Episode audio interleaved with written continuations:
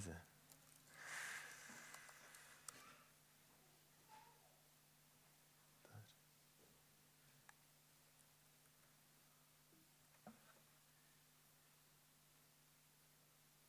Se, vet du. Skjedde magien. Det er flott. Jeg skal jo ikke si velkommen hit, men jeg bare fikk lyst til å si velkommen hit. um, dere er jo ønska velkommen. Det var kanskje Jeg syns vi skal gi en klapp til Maria Torven, jeg som leder fantastiske korbim. Kan dere gjøre det?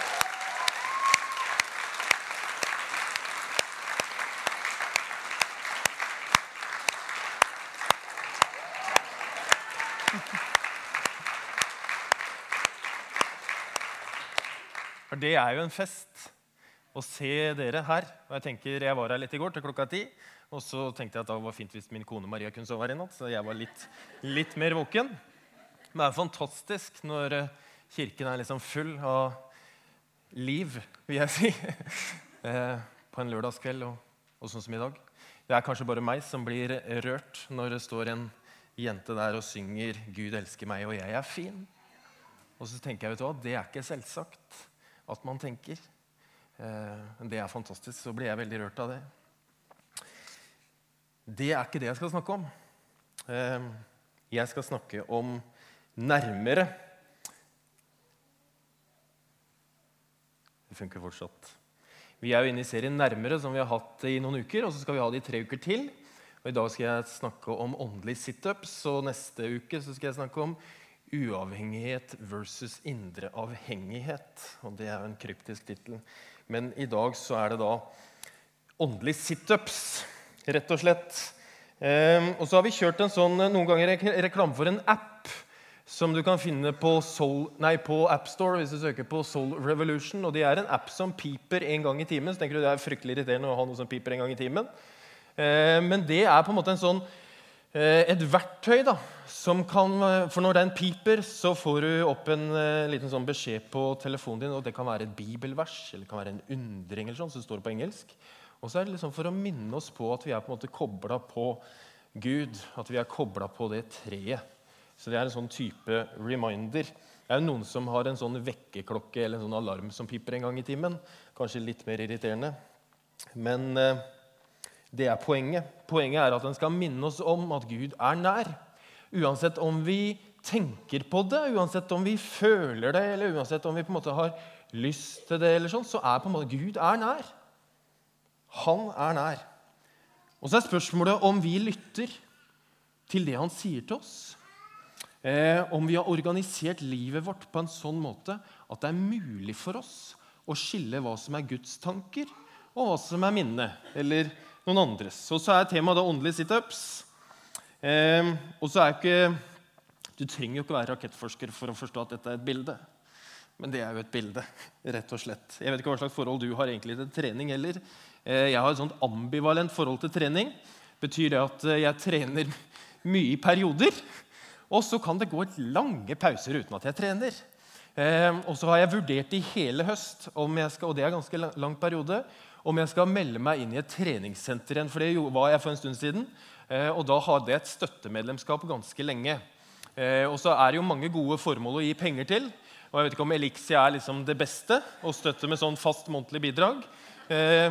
Så da fant jeg ut at det var vel verdt å avslutte. Så jeg tenkte liksom, skal jeg gjøre noe annet? Men så oppdaga jeg det at eh, det er jo mange sånn idrettsorganisasjoner som tilbyr støttemedlemskap. Her for så er det jo gratis kaffe hele sesongen. og det er jo fantastisk. Du kan liksom gi penger og være støttemedlem, og så får du kaffe.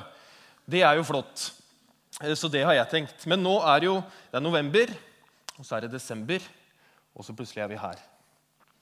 Eh, da har vi liksom spist godt hele jula. Eh, så jeg tenkte liksom å drøye da, til januar og løpe. Fordi poenget med å trene er jo fordi at vi ønsker liksom alle å komme hit. Ikke sant? Det er i hvert fall mitt mål for min trening. Å komme dit. Jeg vet ikke hvor du er, men så, Det som ofte skjer, er liksom at vi havner her. Og det, det er jo en litt sånn annen tilnærming. Så ja Jeg skjønner greia.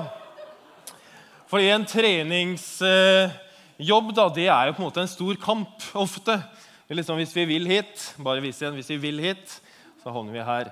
Eh, men så fins det en nettside som heter treningstips.org. Vet ikke om du har sjekka ut den, men De er veldig gode på å gi treningstips.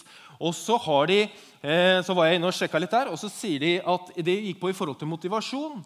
At det regner ute, det går noe morsomt på TV. Du er sliten og demotivert. Er det noen som kjenner seg igjen? Ja, det finnes mange og så står det i parentes, dårlige unnskyldninger for å skulke treningen. Men det fins langt flere grunner til å gjøre det motsatte. Og så lister de opp 55 gode grunner til å trene. Det er mange. Og Hvis du liksom ikke finner én grunn av de 55, som liksom eh, kunne så har jeg plukka ut 12 som jeg tenkte vi skulle gå igjennom. Det første er at kroppen er din desidert viktigste og mest verdifulle eiendel. Det hjelper mot stress, det, gir deg bedre selvtillit. Trening får deg til å se bedre ut. Ehm, fordi det gir deg mer energi og bedre i stand til å utføre dine daglige gjøremål. Fordi det gjør humøret ditt bedre. I tillegg er trening vanedannende, og det gjør dørstokkmila mindre for hver dag du gjennomfører. Fordi du vil være den beste versjonen av deg selv. Og så står det 'som det er mulig å få til'. Som det er mulig å få til. Den beste versjonen av deg selv som det er mulig for deg å bli. Fordi det gjør deg sterkere, fordi du faktisk har planlagt det. Og du vil jo ikke være en av dem som ikke gjennomfører det du har planlagt. sant? Fordi trening, i motsetning til mange andre gjøremål vi fyller tiden vår med, er noe du aldri angrer på i ettertid. Fordi det er jo tidenes understatement at det finnes svært få grunner til å la det være. Så det fins mange gode grunner til å, lære, nei, til å trene. Eh, og så har jeg lært en ting. Det er kanskje sånn at alderen tærer på, men jeg har lært at skippertaksmetoden funker dårlig. Funker liksom en stund, og så kommer forfallet kjappere enn det man tror. Um, og da den serien som vi har som heter Nærmere, det handler jo dypest sett om en personlig og åndelig vekst. Det er det dypest sett det handler om. Det handler om å være poda på ikke nødvendigvis dette kunstige treet, men å være poda på Guds stamme å hente Hans ånd, eller få, bli fylt av Hans ånd, og vokse personlig i relasjon til Gud. Og så handler ikke det om å gjøre seg fortjent til noe. Sånn, fordi vi fortjener det, liksom, fordi vi gjør sånn og sånn, så fortjener vi en åndelig vekst. Det handler ikke om i det hele tatt. Men det handler om å modnes. Fordi man kan være barn i vår tro. Man kan være voksen i vår tro, og så kan man være moden i sin tro. Og uansett hvilket sted du er, så ønsker vi i Skien misjonskirke at vi skal ta noen nye steg i forhold til å modnes i vår tro. Og så er åndelig vekst det er naturlig. Det er jo sånn, Hvis vi, er, liksom, hvis vi poder på et tre, eller poder på en grein på et tre, så skjer det en naturlig vekst. Det er helt naturlig at når vi er, når vi er en, en, grein på en stamme, så vokser vi, og så bærer vi frukt. Det er helt naturlig. Og så er det ikke selvplaging. Og det er litt viktig. For Det handler liksom ikke om å plage seg selv eller streve. Eller, men det, det er ikke selvplaging. Fordi åndelig vekst handler først og fremst hva Gud ønsker å gjøre gjennom oss og i oss etter sin gode vilje for våre liv. Det handler om. Og Så er jo da temaet åndelige situps. Og så har jeg ett spørsmål til deg. Og det er følgende Hvem er det som har ansvar for din åndelige vekst? Hvem er det? Er det menigheten? Er det oss, liksom? Er det mora di? Er det svigermor, kanskje? Kanskje det er skolen? Det er, mange, det er jo liksom mye diskusjon om KRLE-fag og hvor mye prosent skal K-en stå for. og sånt. Er det skolen som har ansvar for din åndelige vekst, eller barnas åndelige vekst? Er det NRK? Der har vi jo morgenandakt, og det kan jo liksom være litt sånn truen av og til om vi skal fortsette morgenandakt eller ikke. Hva det? Det er jo noen som også oppfatter at det er litt sånn lokalavisenes oppdrag å liksom fremme kristne arrangementer i, i avisen i Vårt Land og Thea. Hvem er det? For Det er jo lett å rote seg bort i, i bortforklaringer. da. Sånn som med treningstipsene. Det er dårlig vær. Mye bra å se på TV. Passer ikke helt nå. Er veldig sliten. Har ikke tid, egentlig. Og så er jo Gud evig, så jeg, jo, jeg har jo en evighet på en måte på å. Eh, og så var jeg på gudstjeneste i dag, sånn at ja, sånn er det, liksom. Nei, hvem har ansvar for din åndelige vekst? Men hvorfor da er åndelig vekst og trening viktig? Jo, fordi tid med Gud det er den desidert viktigste og mest verdifulle eiendel. Tid med Gud det hjelper mot stress. Tid med Gud det gir selvtillit. Det får deg til å se bedre ut.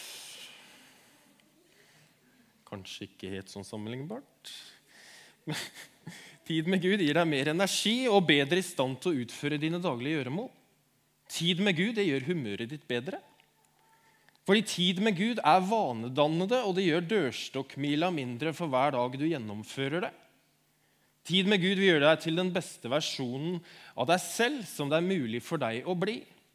Tid med Gud gjør deg sterkere. Tid med Gud det har du faktisk planlagt. Og du vil jo ikke være en av dem som ikke gjennomfører det du har planlagt. Tid med Gud i mots Nei, den leste jeg. Nei, tid med Gud i motsetning til mange andre gjøremål vi fyller tiden vår med er noe du aldri angrer på i ettertid. Fordi det finnes svært få grunner til å la være å ha tid med Gud. Så er tid med Gud det er frivillig. Det er ikke tvang, det er ikke et bud. Du må ikke gjøre det. Det er frivillig, og det er et valg du tar. Du kan velge det hvis du vil.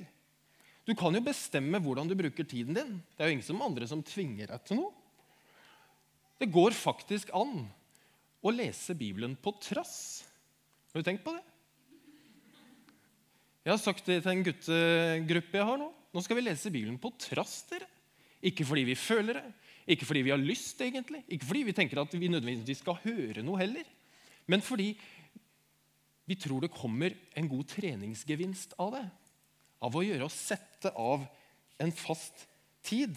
Det er Gud, og Jeg har sagt det mange ganger at det går faktisk an å booke en tid i kalenderen din for fast tid med Gud.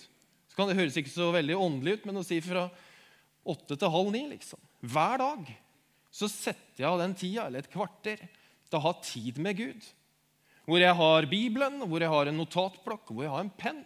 Og jeg faktisk bare bestemmer at nå er det meg og deg, Gud. Så betyr jo ikke det at jeg ikke har tid med Gud på andre steder på andre tider i løpet av døgnet. Jeg kan ha tid med Gud hele tiden. Men poenget er det at vi setter av en konkret tid, litt sånn på trass. Fordi jeg vil. Jeg vil vokse personlig, og jeg vil vokse åndelig. Og Da setter jeg av en tid. Så tenkte jeg skulle gi dere et eksempel. Ehm, for når jeg gjør det, så har jeg en bibel, og så har jeg en penn og så har jeg en bok. Og så skriver jeg ned mange av de bønnene jeg ber. Eh, og så leser jeg ofte noe via en sånn bibelleseplan jeg har.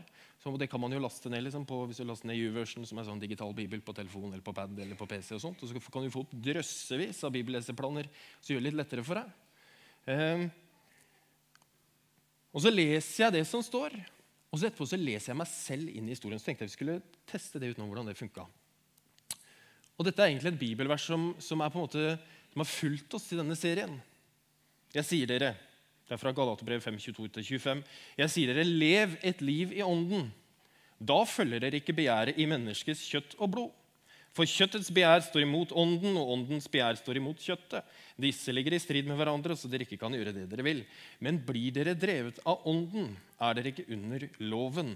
Det er klart hva slags gjerninger som kommer fra kjøttet. Det er hor, umoral, utskeielser, avgudsdyrkelse, trolldom, fiendskap, strid, sjalusi, sinne, selvhevdelse, stridigheter, splittelser, misunnelse, fyll, festing og mer av samme slag. Men åndens frukt er nesten så vi skulle lest det i kor. Kan vi lese det i kor? Det er koselig. Åndens frukt er kjærlighet, glede, fred, overbærenhet, vennlighet, godhet, trofasthet, ydmykhet og selvbeherskelse. Slike ting rammes ikke av loven. Og lever vi ved Ånden, så la oss også vandre i Ånden. Når jeg leser en sånn bibeltekst, så er det litt sånn Oi, her var det mye.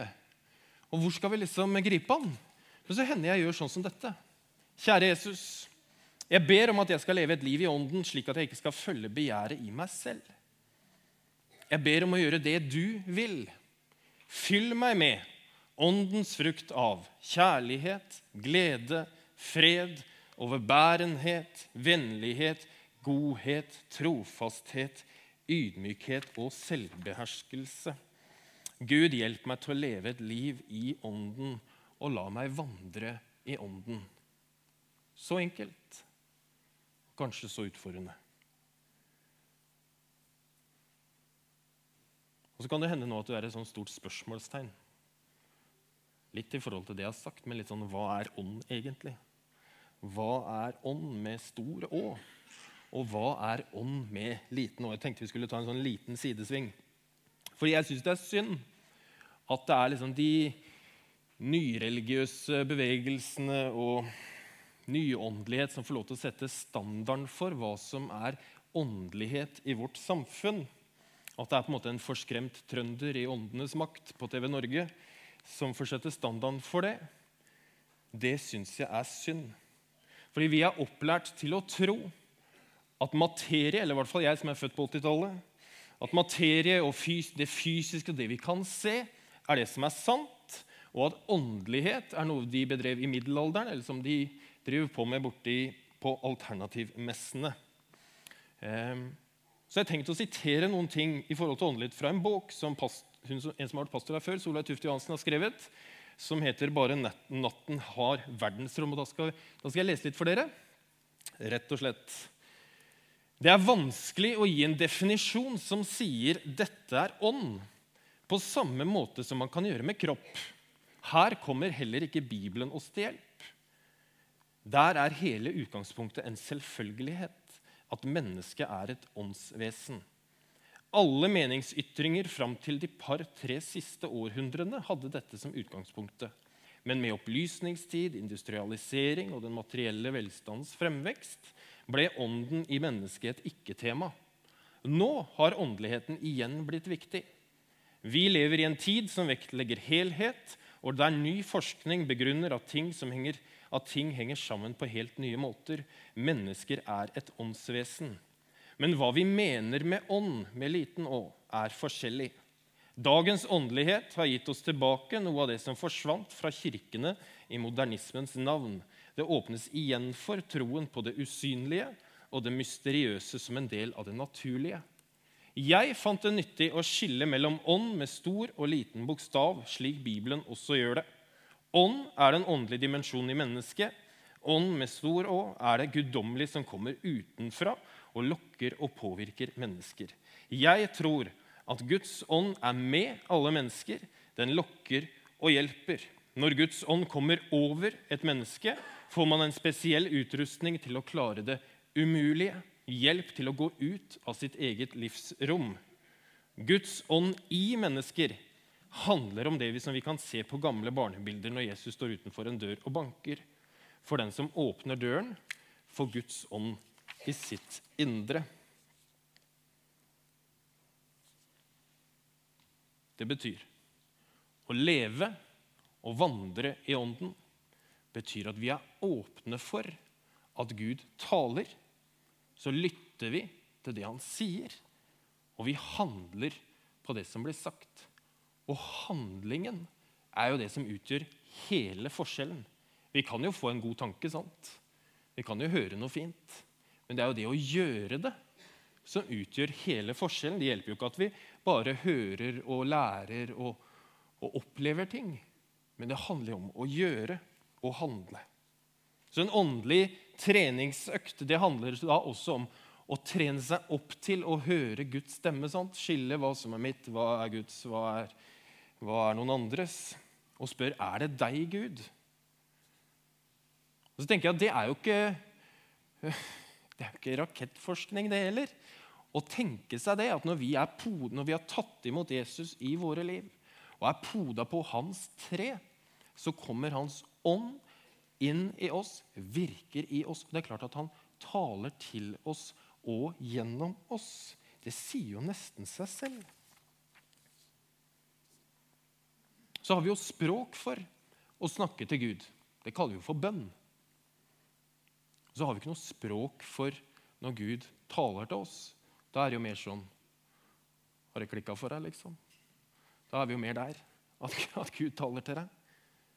Men vi har, så vi mangler språket. Men hele Grunnargumentet handler om at vi ønsker å bli modne i vår tro. Og faktisk lytte, høre og handle. Og modenhet handler om at vi over tid har latt Gud virke. Det er jo derfor det funker så dårlig med skippertak. Over tid. En ost blir jo ikke moden fra en dag til en annen. liksom. Det tar tid å modnes. Og sånn er også med vår relasjon til Gud. Så hvem har ansvar for din åndelige vekst? Hvem er det? Det er jo deg sant? som har ansvar for det. Jeg er liksom, liksom kipperen. Men det, er jo meg som har ansvar for mitt liv, og det er du som har ansvar for ditt liv. Så kan vi liksom gjøre sånn og prøve å ikke se eller grave hodet ned i sanden og tenke at, at ikke noe skjer. Men det er deg. Men hva med Skien misjonskirke? Hva med menigheten? Jo, vi kan jo hjelpe. For vi har jo gudstjenester. sant? Vi, vi, i, nå I helgen så har det vært mange av oss som har vært på kurs i Oslo på noe som heter GLS, som er Global Leadership, Leadership Summit, som er sånn lederskapskurs. Eh, sånne ting kan vi gjøre. Vi, det som er en vikt, en av de viktigste satsingene for oss, og noe av det viktigste for oss for deg som er ny her, er at du er med i en smågruppe som er et mindre fellesskap på 8-10 personer som møtes hver 14. dag eller hver tredje uke. Det er en måte vi kan hjelpe på. Og så er det mulig å være med i en tjeneste, å være med i BIM eller korbin eller bake lefser eller julemesse. Vi har mange sånne ting. Og så kan vi jo be for hverandre. Og så kan man jo gå og snakke med noen og få veiledning. Men åndelig vekst det skjer først og fremst i en relasjon mellom deg og Gud. Og så tenker jeg Hva ville skjedd dersom vi tok det på alvor? Hva ville skjedd dersom vi alle brukte 15 minutter eller et, ja, 15 minutter eller et kvarter hver morgen eller hver kveld med bibel og notatblokk og en penn? Hva ville skjedd da, dere? Hvis alle som gikk i Skien misjonskirke, alle som opplevde at Skien misjonskirke var deres åndelige hjem Hvis vi alle gjorde det, hva ville skjedd da? Vet du hva jeg tror ville skjedd? Jeg tror himmelen ville ha åpna seg. I våre liv, i våre familier, i menigheten vår og ikke minst i byen vår. Hvis vi alle, 450 medlemmer eller 300 møtebesøkende, gjorde det hver dag så tror jeg himmelens sluser ville åpne seg. Fordi tid med Gud, i motsetning til mange andre ting som du bruker tid på, er noe du aldri angrer på i ettertid. Skal vi reise oss, og så skal vi be, og så skal vi synge litt sammen.